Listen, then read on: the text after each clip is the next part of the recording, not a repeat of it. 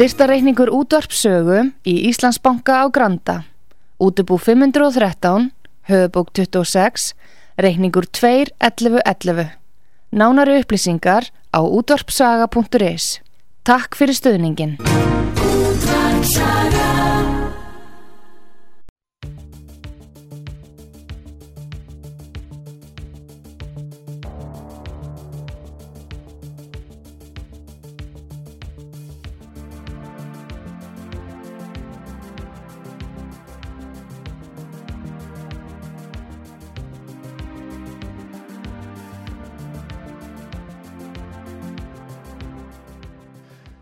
Já, komiði sælir, góðu hlustendur, ég heiti Arnar Þór Jónsson, sitt hér í stúdiói útvarpi sögu og í dag eh, er ég nú hér eitt, þetta er ný, ný breytni í útvarsögunni má segja, að þetta er ekki gert í nafni sótvarna að taka viðtal við sjálfa sig, en um, ég geri þetta vegna þess að mér leikur mikið á hjarta í dag og ég ætla að deila með ykkur ímsum uh, hliðum eins og þær blasaði mér sem snúa að eh, réttaríkinu á tímum sótvarna. Ég veit ekki hvort að hlustendum finnst þetta að vera hérna, áhugaverð eh, yfirskrift svona útastáttar en uh,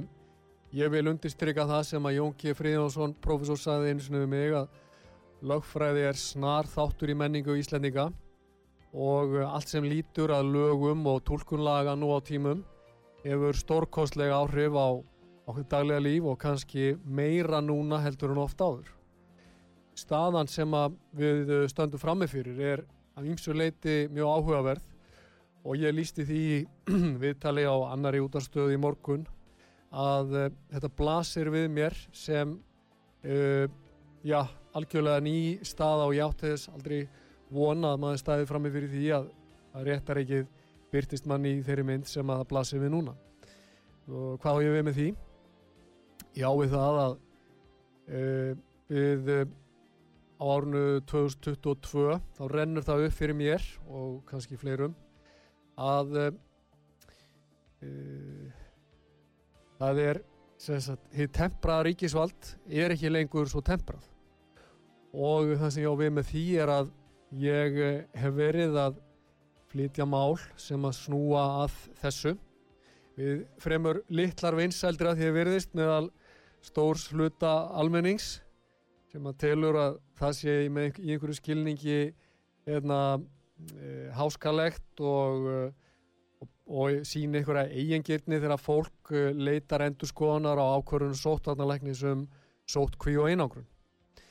E, ég hef hins vegar litið svo á og ég vænti þess að meiri hluti e, landsmanna sé sammála því að þegar verið er að taka ákvarðanir um frelsiskerðingar sem að þess að sótt hver ákvarðanir sannlega eru og einangrun að þá sé fullt tilefni og ég að gæta að rétti einstaklingana til þess að fá að bera slíkar ákvarðanir undir dóm. Nú hins vegar byrtist svo mynd eh, okkur að eh,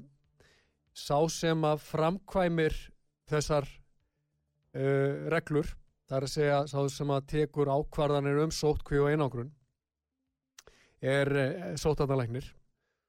og uh, það sem er uh, sérstakt er að þessi sami maður eða sama ennbætti hefur í rauninni hönd á lögjáaldinu líka. Það er að segja sótarnalæknir leggur fram tillögur að þeim reglum sem að eiga gilda hér um okkar daglega líf. Þannig að þá er sótarnalæknir komin með hönd á tveimur þáttu ríkisvaldsins síðan sem sagt gerðist það í, síðust, í síðustu viku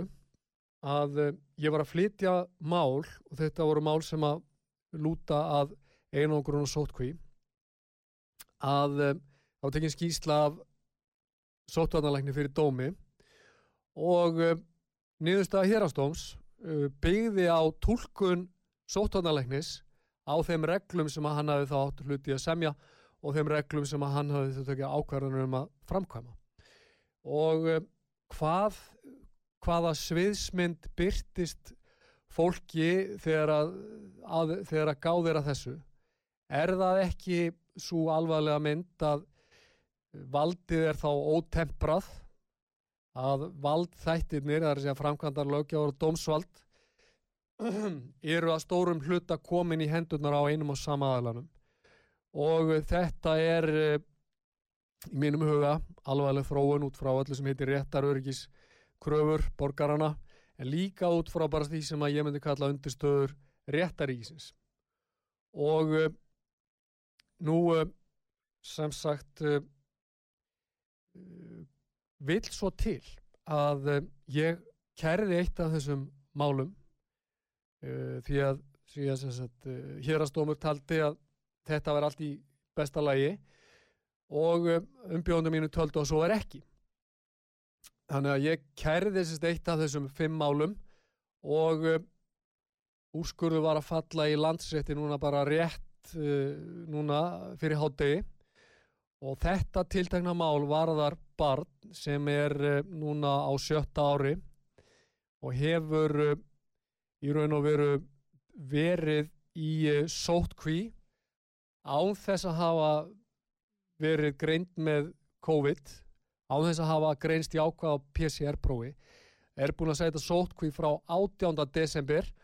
og sætti henni til miðnættis núna aðfara nátt 4. januar. Nú,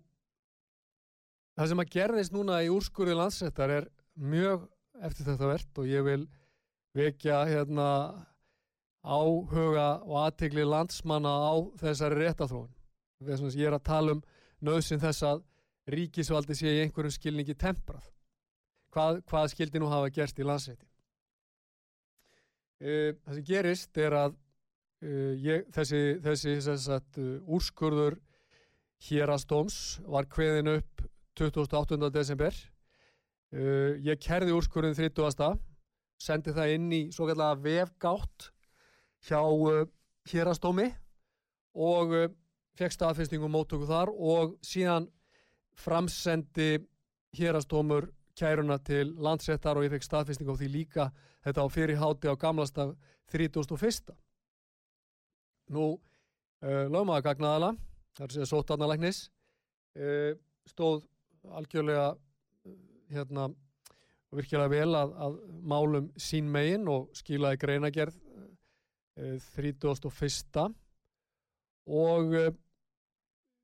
við fengum þá hérna, tilkynningu um það að máli væri komið, hefur verið móttekið hjá, hjá uh, hérastómi, fengum sjálfkrafa tilkynningu gegnum svo kallar vefgátt landsettar.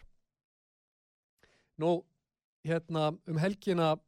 hafði ég svo samband við landsett og uh, undistrykkaði það að þarna væri mál til meðferðar sem kallaði á, á aðtegli og uh, rætti meðal annars við aðstofamann hjá landsetti og skrifstofustjóra réttarins en svo gerðist það semst í dag núna rétt fyrir háttegið að sá sem hér situr fekk tilkynningu frá landsetti um það að það væri fallin úrskurður og í úrskurðunum kemur fram að uh, gögnin hafi borist, kæran hafi verið lögð fram 30. en gögnin hafi borist landsetti 3. januar þannig að ég vil bara vekja aðtegli landsmanna og lögmanna sem er að hlusta á þetta að hér er, þetta eru dáltil tíðindi sko, það er að segja gögn eru sendin til landsettar það kemur staðfýsting þaðan samdægurs, sjálfkrafa. En svo virðist sem að landsettur lítið svo á að gögnin hafi ekki borist fyrir einhver mætir í vinnu og opnar skjalið í vefgáttinni. Og þetta sem sagt var allt saman opnað greinagerð eðna, kæran og greinagerðin og öll fylgiskjölin voru þá loks opnuð í gær morgun fyrir klukka nýju, 3. januar. Þá á umbjóðandi minn átti eftir að setja í sótkví ennett daginn til miðnættis sem þetta í nótt. Og hvað gerir landsettur? Hann lætur gerdaginn líða að því að virðist á hans að gera nokkuð skapaðan hlut og hveð sér hann upp úrskur í dag sem að þar sem hann vísar málinu frá landsetti að því að nú skorti lögvarða hagsmunaði að landsettu leysur kröfunni. Og ég spyr mig og ég nú bara beina þessar spurningu til ykkar á getu hlustendur og lögmenn og dómarar og þingmenn og aðri sem að hlusta. Er það ásættalegt út frá kröfur réttaríkisins að eh, þegar um er að ræða mál sem að lítur að frelsi sviftingu borgarna því að þetta er sannlega frelsisvifting, ég held að sé allir sammálum það sem að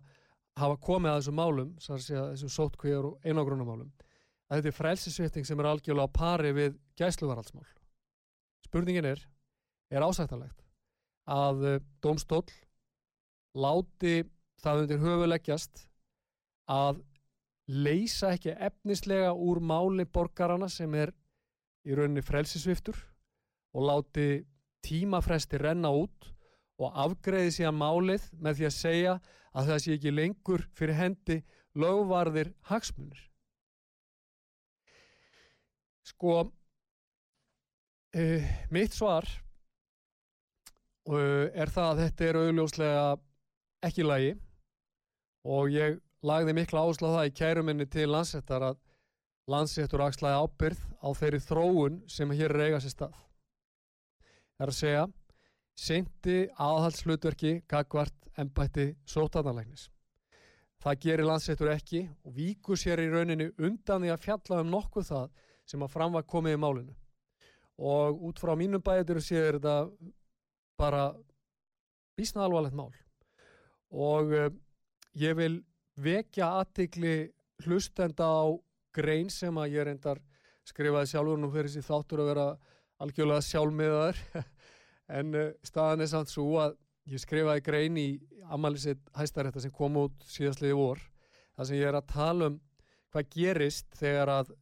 valdhafar fara að beita borgaran á ofríki.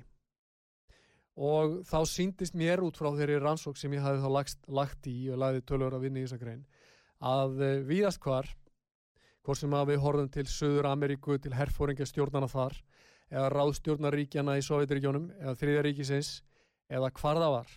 Hvar sem að þetta hefur gerst að valdhafar hafa raunverulega seilst og lánt og gengið ofnæri borgarlegu frelsi og svift borgarana frelsi sínu hvort sem það er undir yfirskyni varðhalds eða sótkvíjar eða hvaða er þá verði hérna domstólarnir meðvirkir. Og uh, ég hef uh, sem sagt kvart og kvarti til þess í minni kæru að landsettun og stýji inn og stýji fastniðu fæti í því skyni að tempra vald sótanarlægnis og uh, landsettur kaus að koma sig hjá því eins og ég lísti hérna á hann Nú, ég hef frá því sömari 2020 varað mjög eindreið við þeirri vekkferð sem að hefur verið mörguð í baróttu við koronaviruna og uh, ég tel að bæði úrskurðu hérastóms og raunar aðrir úrskurðu hérastóms sem að hafa verið kvenir upp fram að þessu og hafa verið að flytja eitt svona mál í morgun uh, í máli mann sem hefur sætt uh, sótt kví og einangrun síðan 11. desember samfleitt á þess að hafa verið greindur með, með hérna með jákvægt síni á PCR-prófi ég tel að þessi þróun sé gengin lengra heldur en okkur óraði fyrir. Uh,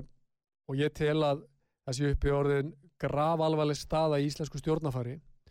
og ég tel að við stöndum fram að fyrir háska í réttaframkvæmdini sem að með einhverju móti verði að afstýra ef ekki á að verða hér sko meiriháttar skaði í bráð og lengt Það sem ég á við er að ef að staðan er svo sem sagt að sótvarnalæknir fer með hlut af lögjafaldinu og, og fer með framkvæmdavaldið og fer síðan með uh, tólkunavaldið á þessum sömur öglum þá er valdið í ofmiklu mæli komið á eina hönd. Og þegar að svo staða er komin upp í réttaríki þá verða domstólar að gera mjög ríkar kröfu til þess að málsmeðferðarreglum séu öllum fyllt og þess sé alg, algjörlega gætt að það líki fyrir fullnaðandi sönnun um nöðsinn þess að menn séu sviftir frelsi sínu. Og það vekur hjá manni þess vegna ákveðnar áhugjur þegar að domstólar, í þessu tilvíki landsettur, kýs að víkja sér undan því að leysa úr máli sem að varðar svona stórkonslega hagsmunni. Við erum að tala um það að tíu þúsund borgarar á hverjum tíma núna sita í einogrun og sótkví í málinu sem ég bara á borð fyrir landsett var uh, tjálta til málsástæðum sem að lötu að grunngildum réttaríkisins sem lötu einnig að grundvallarreglum um sönnun sem lötu að lámas kröfum til framkvæmdavaldsins og í engu hefur verið leist úr þessu. Og uh, ég segi bara við ykkur ágættu hlustendur eins og ég sagði við landsetti minni kæru að uh, það var ágætt og gildi ástæða fyrir því að þjóðir heimsins brutust undan einveldi á átjóndöld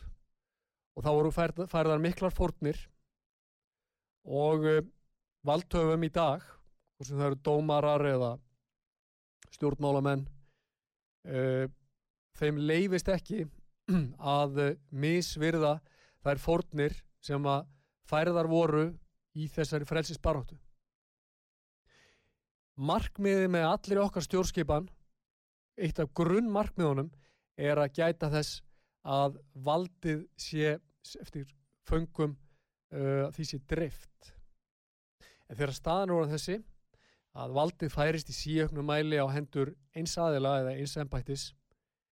þá í raun og veru ég ætla að segja það hér þessi setning kom til mín bara nánast í draumi fyrirnótt og þegar ég vaknaði þá kom þessi setning svona nokkur neginn að þá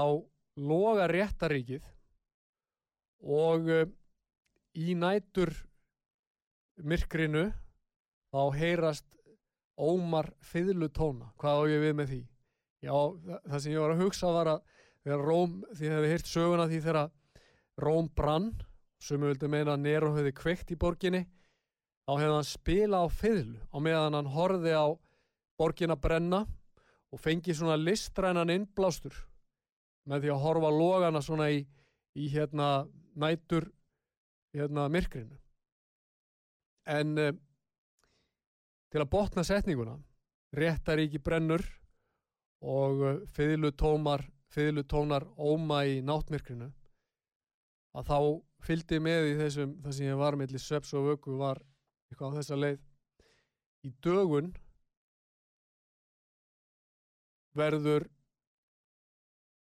leitað að ábyrð af þeim sem bera ábyrð þá verður leit, þá hljóta menn þegar að það sem sagt dagur rennur upp og menn standa í brunarústónum hvenna sem að það svo sem verður að það rennur upp fyrir almenningi eðna, það tjón sem að er að verða á réttaríkinu og það tjón sem að uh, mun verða ef ekkert verður aðgert þá munum menn standa í brunarústónum og leita uh, og leita svara við því hverjir bera ábyrð á því tjóni sem hér eru orðið. Hverjir spilu á fiðlu meðan réttaríki brann. Og þess vegna munum menn horfa til dómstóla og spurja hvað gerðu þeir? Hvar stegu þeir niður fæti? Hvar var ítt á bremsuna? Og ég eh, býst við að þessi spurning henni mun verða hreift af hálfu almennings henni mun verða hreift af hálfu fræðimanna sagfræðinga og stjórnmálamanna síðari tíma. En uh, ég vil undistrykka það, góðu hlustendur, að þetta er mál sem er langt hafið yfir allt sem heitir uh, pólitík. Þetta er mál sem að uh, í rauninni er á því stíi að allir borgaralandsins allir lögfræðingalandsins ætti að láta sig þetta varða ætti að setja sig inn í þetta. Og ég held að það verði að gæta hér sko mjög nákvæmlega því hvað hefur gerst. Hvers vegna láta dómar og landsettar heilan vinnudag líða á þess að hyggja að máli sem að varða svona alvarlega hagsmunni því að við erum að tala um þúsundir Íslendinga sem að sitja í raun og veru í stofufangilsi það er ekki, takt, það er, það er ekki til betra orð yfir það á íslensku. Þúsundir Íslendinga og landsettur lætur ekki svo lítið að einu sinni að opna málið á mánudegi frá því klukkan 8.30 að modni til miðnættis þann dag og hverju síðan bara upp úrskurdaginn eftir og segir eðna, það er ekki lengur lögvarar hagsmunir. Af því að núna loksins er sótt kvíin útrúin sko ef að, ef að fólk vil ekki sjá alvarleika hérna, þessa máls þá eru þeir uh, blindir og það er engin eins blindur eins og svo sem að vil ekki opna augun. Þannig að ég beini þessu til til ykkar ágætu hlustendur uh, það var lögð mikil vinna uh, í það af hálfu ekki bara mín heldur líka lögmanna gagnaðala að leggja málið skilmerkilega upp í hendunar á landsetti og uh, það er að mínu veiti ekki ásættalegt að fólk sé látið dúsa í stofangilsi bara því að dómarar mæta ekki til vinnu sé á helgarvakt eða feli sig á bakvið einhverja reglur sem að gilda innan hús hjá þeim dómstól og ef að svarið er það að kerfið sé svona úr garði gert þá verður við menna að svara því hvort það er tölvukerfið uh, einhver vefgátt eða skráningakerfi annars vegar eða réttarkerfið. Vegna þess að ég tel algjörlega ljóst át frá kröfum réttarkerfisins og réttarríkisins og réttaröryggis á sé það lámaskrafa borgarana sem eru sviftir frelsi að það sé ántafar og að fullri alvöru tekist á við það að leysa úr því hvort að þeir séu sviftir frelsi með réttu eða röngu og þó svo að dómari á lægra dómstíð hafi fjallað um málið áður þá sé ég ekki að, að þess sé nokkur sko nokkur afsökun fyrir því að dómari á æðra dómstíð láti málið býða í fristikistu meðan þeir eru þá í einhvers konar helgarfrí. Nú það kann vel að vera á fyrri stigum í réttarsögunni hafi það gerst að hæstiréttur áður en að landsettu kom til sögunar hafi ekki leist úr málum sem að verðu gæsluvarhald til dæmis. En um það er því að um það er nána það að segja að við lifum nú á árinu 2022 og gögn eru sendin rafrænt og berast rafrænt og þetta er ekki eins og var fyrir þann tíma að gögn fóru að berast hérna, domstólunum rafrænt þegar það voru að berast á pappir þá gæti liðið margir dagar frá því að mál var kært þá gæti til að eh, greina ger barst á pappirsformi þá gáttu aðstæður vissulega verið þannig að hagsmunum voru útrunir. Í þessu tilviki voru öll gögnmálsins komin inn 31. desember og það er látið liggja allan 1. januar eða sérst hálfan hérna þann dag hérna, 31. allan 1. januar, allan 2. januar og síðan allan 3. januar eftir að það er búið að loksins opna þetta á mótni 3. januar þannig að ég veit ekki, ef einhverju bladamennur að hlusta á það, ættu þeir nú bara að ringjara sér, hérna, fara um að ringja í landsett og fá bara skýringar á því hvernig þetta má vera, hvers konar réttafar er þetta og hvers konar hérna, undanlát semi er þetta hugsanlega þá við framkvæmdavaldið eða er þetta einhver, eða er það sagt, þá er þetta einhver myndbyrting þess sem að ég varaði við voru 2020 í áðunendri greinað dómstólar séu hér sko, í einhvers, einhvers konar meðvirkni með, með valdin, þar að segja uh, framkvæmtavaldinu. Ég ætla að segja þetta gott í byli og síðan held ég áfram og í setni hluta þáttarins ætla ég að fjalla áfram um réttaríkið á tímum sótvarna og uh, út frá öðru vikli en uh, nú ætla ég að gera hlið. Takk fyrir.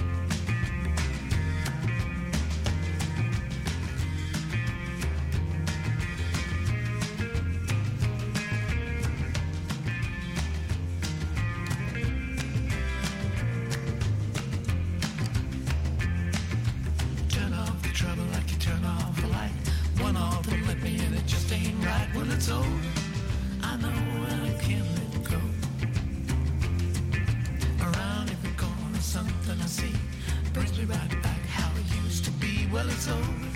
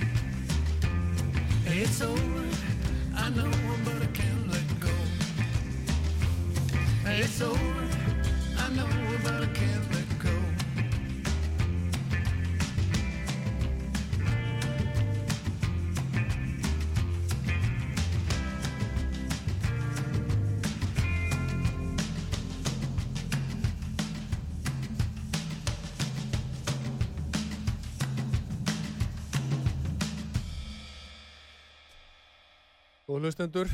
þetta er Arnar Þór Jónsson. Ég sitt hér einn í stúdíó yfir að ég kalla þetta viðtal við sjálfa mig og byrði ykkur afsaka þessa sjálfmiðun.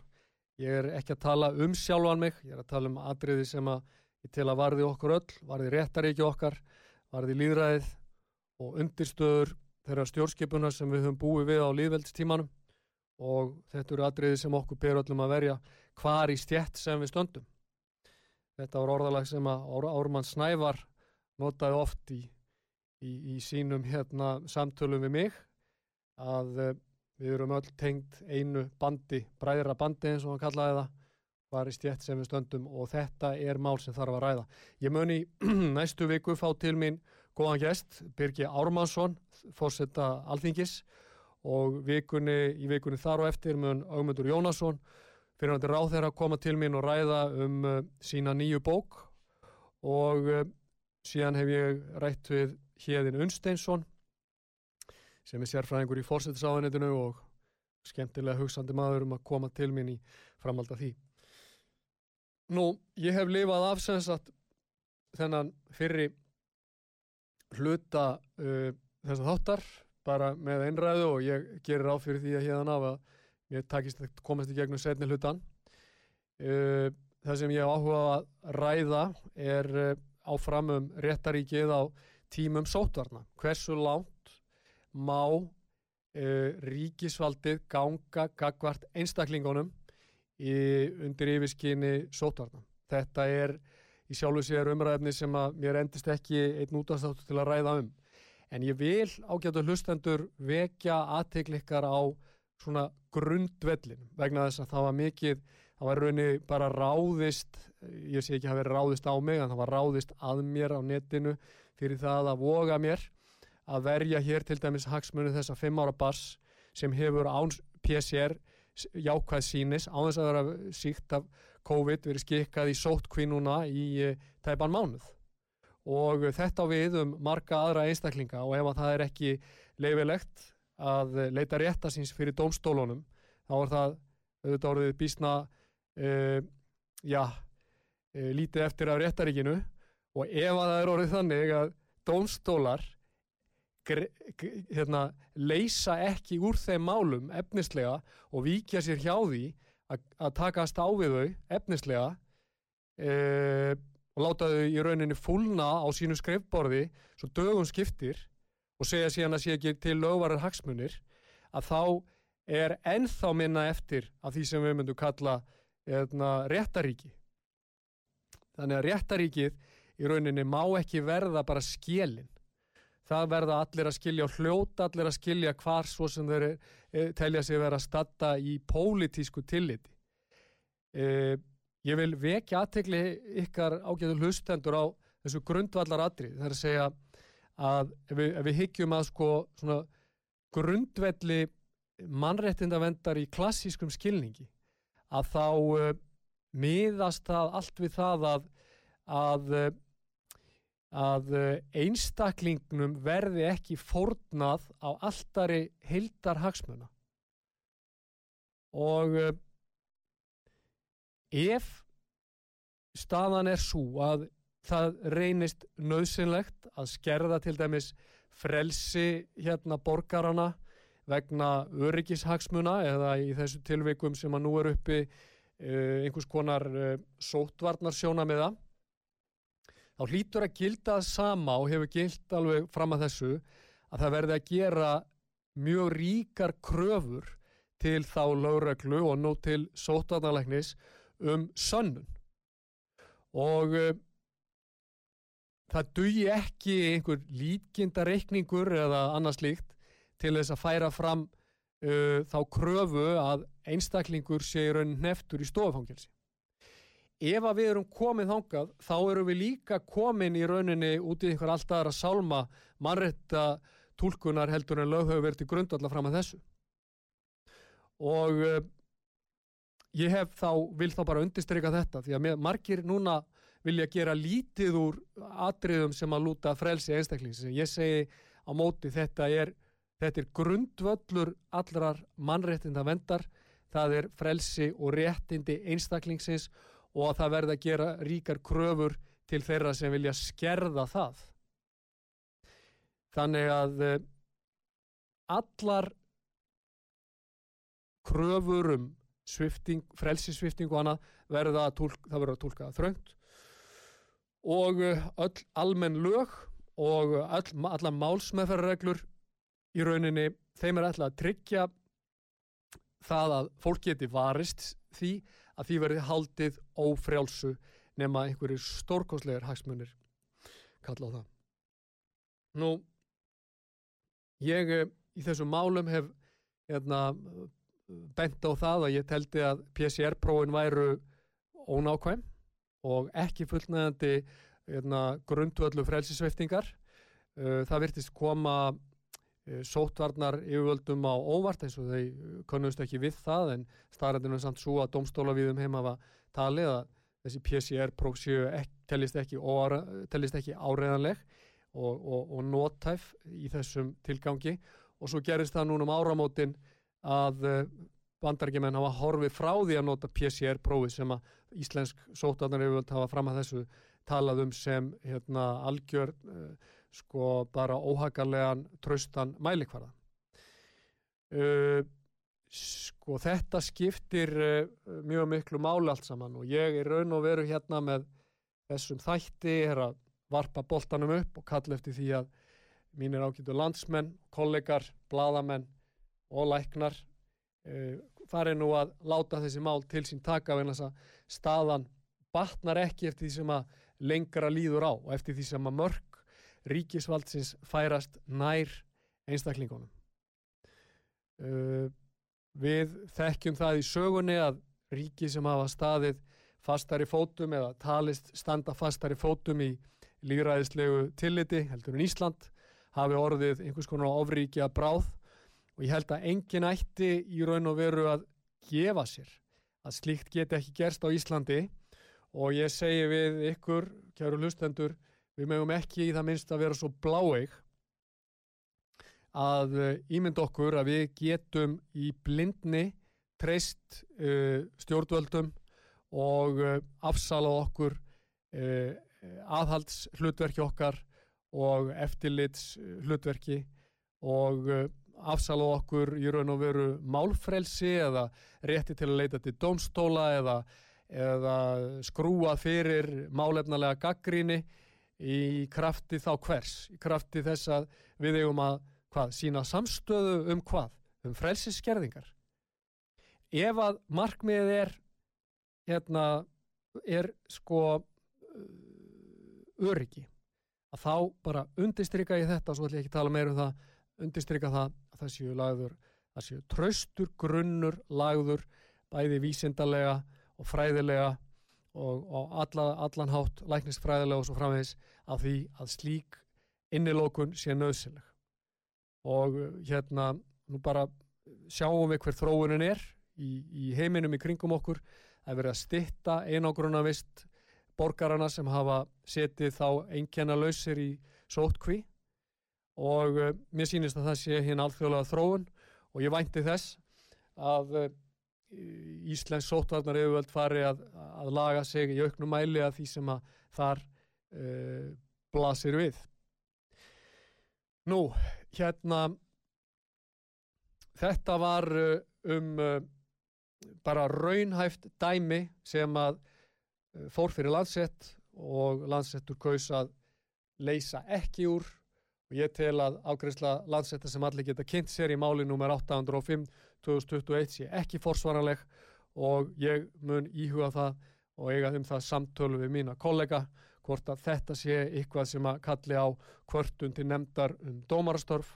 en uh, í, þessum samingi sem ég ræða við ykkurum þá er þetta fyrst og fremst kannski atrið sem lítur að uh, lámaskröfum réttaríkisins. Nú, uh, þá á ég nokkra mínútur eftir og uh, ég vil þá kannski nota þennan tíma til að tala um uh, uh, það sem er að gerast í þessum bóluefna málum. Uh, ég vil fá að segja það, það hér að nú stendur að mér er sagt fyrir dyrum að það ég hefja hér herferð það sem á að sprauta 5-11 ára börn á Íslandi og uh, svo ósmeklega á að standa að þessari herferð að það mun eiga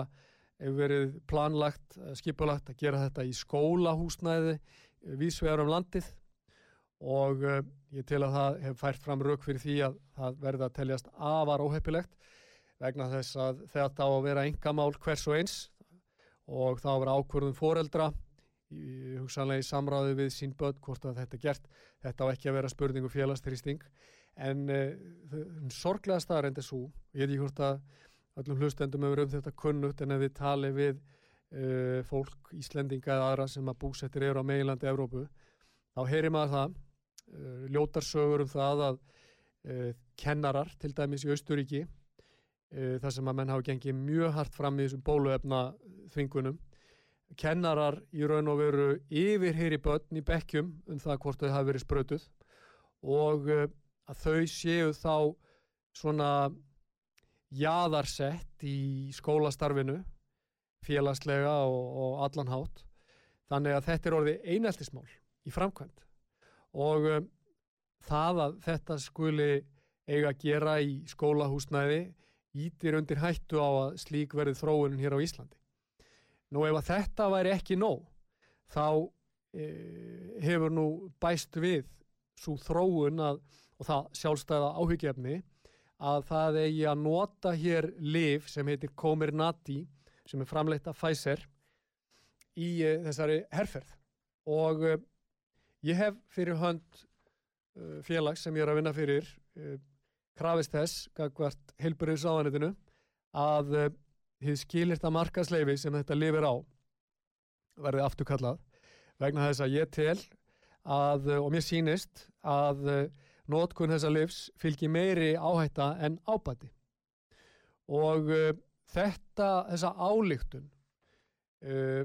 sem ég byggi vissulega á lögum um uh, livjalögum og ég vísum það til 16. greina livjalaga En þessa álegtun efnislega byggi ég á orðum framleiðandans sjálfs sem hefur sagt að með tilkomu ómikrón ábreyðisins þá sé ég orðin þörf á nýrri útgáfa þessu bóluefni. Þetta er uh, yfirlýsing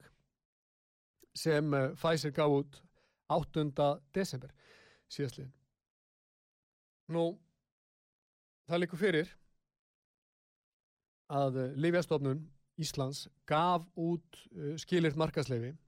og byggir það að því að verðist á rannsóknum sem að voru dagsettar í mars 2000 21 held ég að ég geti sagt. Og uh, uh, þessar rannsóknir eru útrunar vegna þess að það er ekki til neyn rannsókn sem sýnir fram á að komir nati þetta lif veiti börnum einhverja vörd gegn ómikrón aðbreyðinu og uh, það var áhugavert að lesa tilkynningu Líðastofnur Íslands í gær sem að kom fram í tilefni af kærunni sem að ég laði fram í gær. Það segir í tilkynningu Leofstofnunar að, að leifjastofnun uh, fylgist með öryggi, ætla að halda áfram að fylgjast með öryggi leifja og bóluefna sem verður að nota í helbriðskerfinu í baratunum heim, heim, heimsfaraldurinn. En það segir ekki í þessari yfirlýsingu sem að hafður eftir forstjóra leifjastofnunar að leifjastofnun uh, ætli sér að fylgjast með því sem að þó er mikilvægt hlutverk leifjastofnunar, það er að fylgjast ekki bara með öryggi livjana og bólefnana heldur með virkni. Það er beinleginist tekið fram í lögum um, ja, um í livjalögunum að það sé hlutverk livjastofnunar að fylgjast með öllu sem lítur á almennt eftirlit með virkni livja sem notur hérlendis. Og livjastofnun getur ekki vikið sér undan því að leysa efnislega og svara því efnislega hvort að hún telji að komir nati bóluefnið dugi gegn nýju afbreyði e, SARS-CoV-2 verunar. Ef að lesendur, eða hlustendur sem að eru nú vonandi flestir e, tölvufærir e, geta bara flett upp á netinu þróun Omikron-vírusins í Englandi, Noregi og víðar. Þá sést að hann er um það bila yfirtaka allt sviðið. Og ég horfði í gær á línuritið í Noregi að því held ég geti fullirt og lína þar er alveg bara, hún, er, hún líkur nánast þráðbeint upp sem að segir okkur það að Omikron er reyðja öllum eldri afbröðum til hliðar en það sem er e, góðu fréttinar í þessu er er að Omikron er mun, virðist vera mun vægara afbreyði, leggst á, á, á háls en ekki fer síðu niður í öndunafærin og e, e, ég hef ekki fundið neinn gögn sem að benda til þess að, að börnum, hraustum börnum stafi einhver hætta af þessu afbreyði sem á næstu dögum mun yfirtaka uh, sviðið. Er ég að fullera þetta út í loftið? Uh, svarið er nei. Hvað hef ég fyrir mér í þessum efnum? Jú, ég er að vísa til yfirlýsingar sem að sóttvarnalæknir sjálfur let falla uh, 30. Uh, desember síðastliðin uh, þá sagði sá ágæti maður, þetta er 20. desember síðastliðin, sagði sá ágæti maður okkar heiðræði sóttátalegnir að það sé útlitt fyrir að Omikron verði hér alls ráðand á næstu dögum og vikum uh,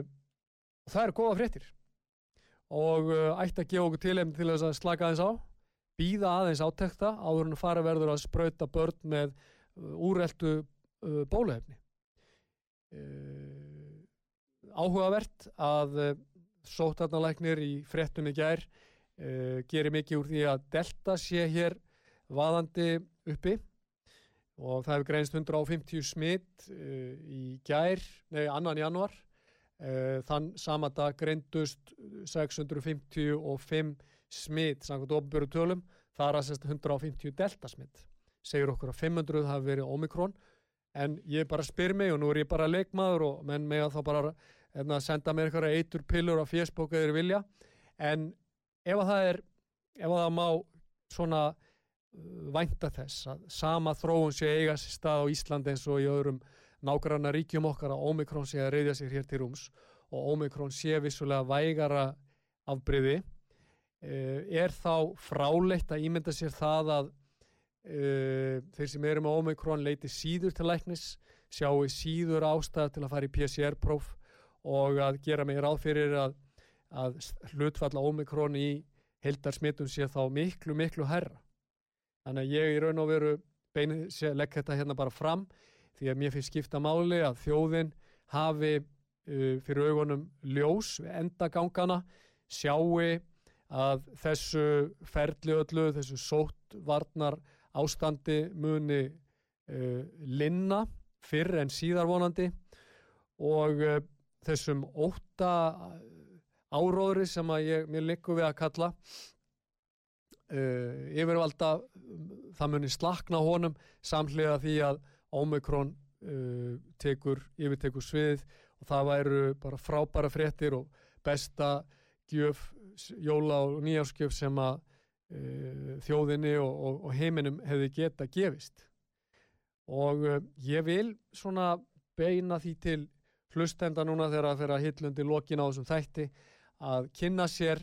uh, uh, tölur um smitt annars vegar í heiminum og hins vegar tölur um sjúkrahús innlagnir og gjörgæslu uh, vistun því að mér sýnist að gjörgæslu vistun að talan sé nokkuð flött uh, smittin getur vel verið að séu á uppleið eða há en það gefur okkur að mínu viti von um það að veiran sé orðin mjög svona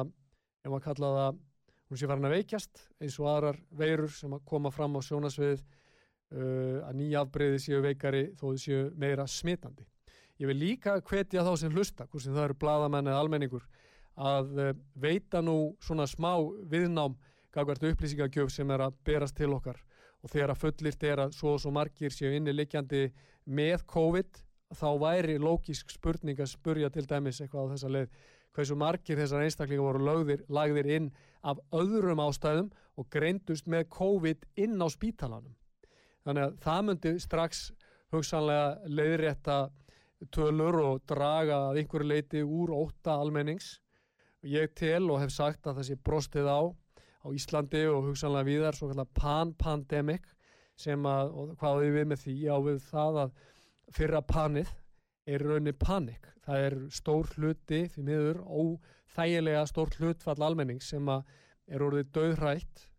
og uh, kona mín nefndi það við með um daginn að við kona hringt inn í útvarpið ykkur, ykkur útastöðun og sagt að hún, hún vildi tala um málmálana sem var COVID. Og hún greindi frá því að hún færi nú alltaf út með hanska og með grímu og færi nú raunar helst ekkit út úr húsi. Og ég sagði við, við konuna mín að þetta lítur nú að hafa verið ykkur grínisti sem að hringdi inn en hún vildi meina að þetta hefði verið bara fúlastalvara og fólk er komið á þennan stað og við þekkjum öll dæmi vandalega um fólk sem að uh, kýs að fara bara alls ekki á mannamót og taka í þátt í daglegu lífi og er feimið við að sinna sinni vinnu og hitta sína fjölskyldu og við getum bara ímyndað okkur hvaða áhrif þetta hefur á andlega hilsu uh, þjóðarinnar. Fyrir utan náttúrulega allt annað, sjálfsmóstíðni, óregla, heimilisofbeldi, uh, efnahagstjón, atvinnumissir og svo framvegis. Ég sakna þess og ég, mér er fúlast alvar að þeir segja að sótarnarleiknir og þeir sem að marka hér stefnu hafi ekki kosið að líta á þetta mál í víðara samhengi. Ég sakna þess sömu leiði, svo ég tel það graf alvarlegt mál að sótarnarleikvöld hafi ekki kosið að beina því til Íslendinga að hvað ráðgjöfum, hvað hægt er að gera á fyrri stegum í formi já, intöku á vítamínum og bætiefnum og öðru slíku til þess að lagi- fyrsta lagi komi vekk fyrir að maður smittist af þessu eða lámarka líkunar á því og í öðru lagi komi eh, vekk fyrir að þessi sjúkdómur COVID eh, ná í heljar tökum á fólki. Þannig að það er svo margt í þessu sem að manni finnst bera það með sér að, að eh, því miður dómstólar, uh, löggjæðarvald og fjölmiðlar, svo að maður nefni nú fjölmiðlarna til sögunar sem skreita sig nú með því að vera fjórða valdi stundum, að það hafi skort því miður mjög á allt sem að heitir aðhald og gaggrinni og valdtemprun í þeim uh, þeirri sögu sem að við höfum verið í sameigilega að skrifa núna í tvö árbráðum og um, einhvern tíma verður þessi saga gerð upp og þá verður uh, spurt eins og ég sagði áðan hver ber ábyrð á því að uh, réttaríkið laskaðist svo mjög að uh, réttindi einstaklinga voru með þessum hætti fyrir bor borin í svona miklu mæli? Hver ber ábyrð á því að, að uh, þessu afleita tjóni uh, sem að varð þessu rísa tjóni uh, efnahagslega, andlega, félagslega, sálræna tjóni sem að aðgerðin hafa kallað yfir okkur. Hefur verið lagt eitthvað heildstætt mat á það hvar, hvernig þetta verður vegið hvort upp á móti öðru? Nú, ég ætla bara í loka orðin gætu bara verið þessi. Sá merki maður, Jonathan Sumption sem er ekki kjáni hann er, er fyrirhandi dómari við hæstarétt uh, Bretlands. Hann byrti frábæra grein í Telegraf fyrir nokkru dögum síðan og uh, vísar þar til þess að uh, í sagfræðilegu tilliti og Sumption er mentaði sagfræðingur þá hafi vissulega alls konar veirur og óáran herjað á almenning. Og hann er farin að velta því fyrir sér hvort að það komist á tímapunktur að við þurfum að fara að ræða það hvort að við þurfum mögulega að gera bara eins og fyrir kynnslóður hafa gert að taka uh, veiruna on the chin, eins og hann kallar það á ensku það er að býta á jakslinn og fara í gegnum þetta þennan skapl eins og fyrir kynsluður hafa gert. Hann endar grein sína nokkur, einhvern veginn á þá leið og nú rifja ég þetta bara upp að uh, það sé uh, sko lífið tilveru okkar mannana er, er bara háð því og við vitum það, þetta mun enda með dauða og öllu líkindum um veikindum því miður en að við höfum líka lífi til að lifa. Og uh, hann spyr, eigum við þá ekki bara að reyna að gera okkur besta til að lifa því lífi sem okkur er gefið? Eða eigum við að láta sko hræðslu við dauða og veikindi fæla okkur frá því að vera lifandi manneskjur? Mér finnst þetta bara góð spurning og uh, svo bara rétt í blá lokinu vil ég nefna það við þá sem er að hlusta. En þá er ekki búin að gefast upp á, á þessu tali mínu að í, eh, í eh, bresku pre- pressun í dag eh, er við tal við hátsettan mann í breska heilbriðskerfinu sem að segir, eitthvað á þá leið að það sé útiloka mál og óraunsætt að við bólusetjum okkur út úr þessari krísu, það sé ekki gerlegt og ekki leggjandi á almenning að að fara að rað bólusetja almenning til að forða veikindum uh, og ég ger ráð fyrir því að hann sé í því samhengi að vísa til þess að uh, öllum allir í lifjagjöf fylgi uh, aukaverkanir. Uh, mörgum svona sprautum á ári geti fyllt uh, þá margföld aukaverkun. Og við þurfum að horfa á þetta í mjög raunsæju ljósi held ég þegar við tökum ákvörðunum næstu skref og gerum þau upp við okkur hvort við sem samfélag sættum okkur við það að vera öllu lengur hérna í þessu, í þessu helsi sem að hefur þrengst að okkur og ég vil ljúka þættinum bara þá á því að nefna það sem ekki mátti nefna lengi vel en ábyrgi menn eru nú farnir að tala um eh, í fúlustalvuru. Það er, ef að ljóst er að það, það er alveg ljóst hverjir er í mestu, mestri hættu af þessum uh, bölvaða vírus. Það er eldra fólk og heilsuveilt fólk, offitusjúklingar, mögulega sikursjúkir. Eigum við þá ekki að nota, brota, brota þeim fjármunum sem verið er að hérna, verja í, í sóttarnaraðgerið daglega hér á Íslandi og, og, og hyggja vel að þessu fólki, verja það en uh, gefa frelsi uh, ungu fólki, börnum og öðrum þeim sem að sannarlega eru í lítilli hættu á því að veikjast. Og uh, fara bara að, að anda svona dálítið rólega og, og sko halda áfram með lífið. Ég held að það sé ekki óábyrgt að gera þetta og ég held að það sé að gera þetta raunar með mjög ábyrgum hætti. Og ég hvet þá bara fólk til þess að kynna sér hvað hægt er að gera Þetta snýst nú endanum um það að við hyggjum hvert og eitt á okkar eigin heilsu. Við gerum ekki heilbriðiskerfið ábyrgt fyrir okkar heilsu. Við íþingjum því ekki með því að þá að taka vítaminin okkar og förum út að ganga og reyfum okkur og hyggjum vel á okkar andlegu heilsu og við reynum sem samfélag að saminast og hug, huga því sem að saminar hvernig getum við staðið saman, hvernig getum við hætt þessu aðgreiningatali, hvernig getum við hætt að mála hvert annað upp sem einhverja ó, einhver ómenni og eins og segir í einhverju vísisgreininni í gæriða dag sem við séum að andstæðingar okkar séu einhverju skilningi andsetnir hérna, ég man nú ekki eins og orðalagið og ég vil ekki kannski hafa það eftir eins og hér í útarpi að við þurfum að svona fara að átt okkur á því að þetta er sameigilegt verkefni það að reka hér gott samfélag e, þar sem að hugað er vel að heilsu barna og gamals fólks og, hug, og gættir að frelsi fólks til atvinnu og, og, og funda og svo framvegs það er samstagsverkefni sem við stöndum öll, verðum öll að standa samanum og uh, pólitískur ágreiningur og hatramt svona aðgreiningatal það verði að svona leggja það til hliðar eins og staðan er orðin. Ég þakka þeim sem lítu, þetta er mér lókið.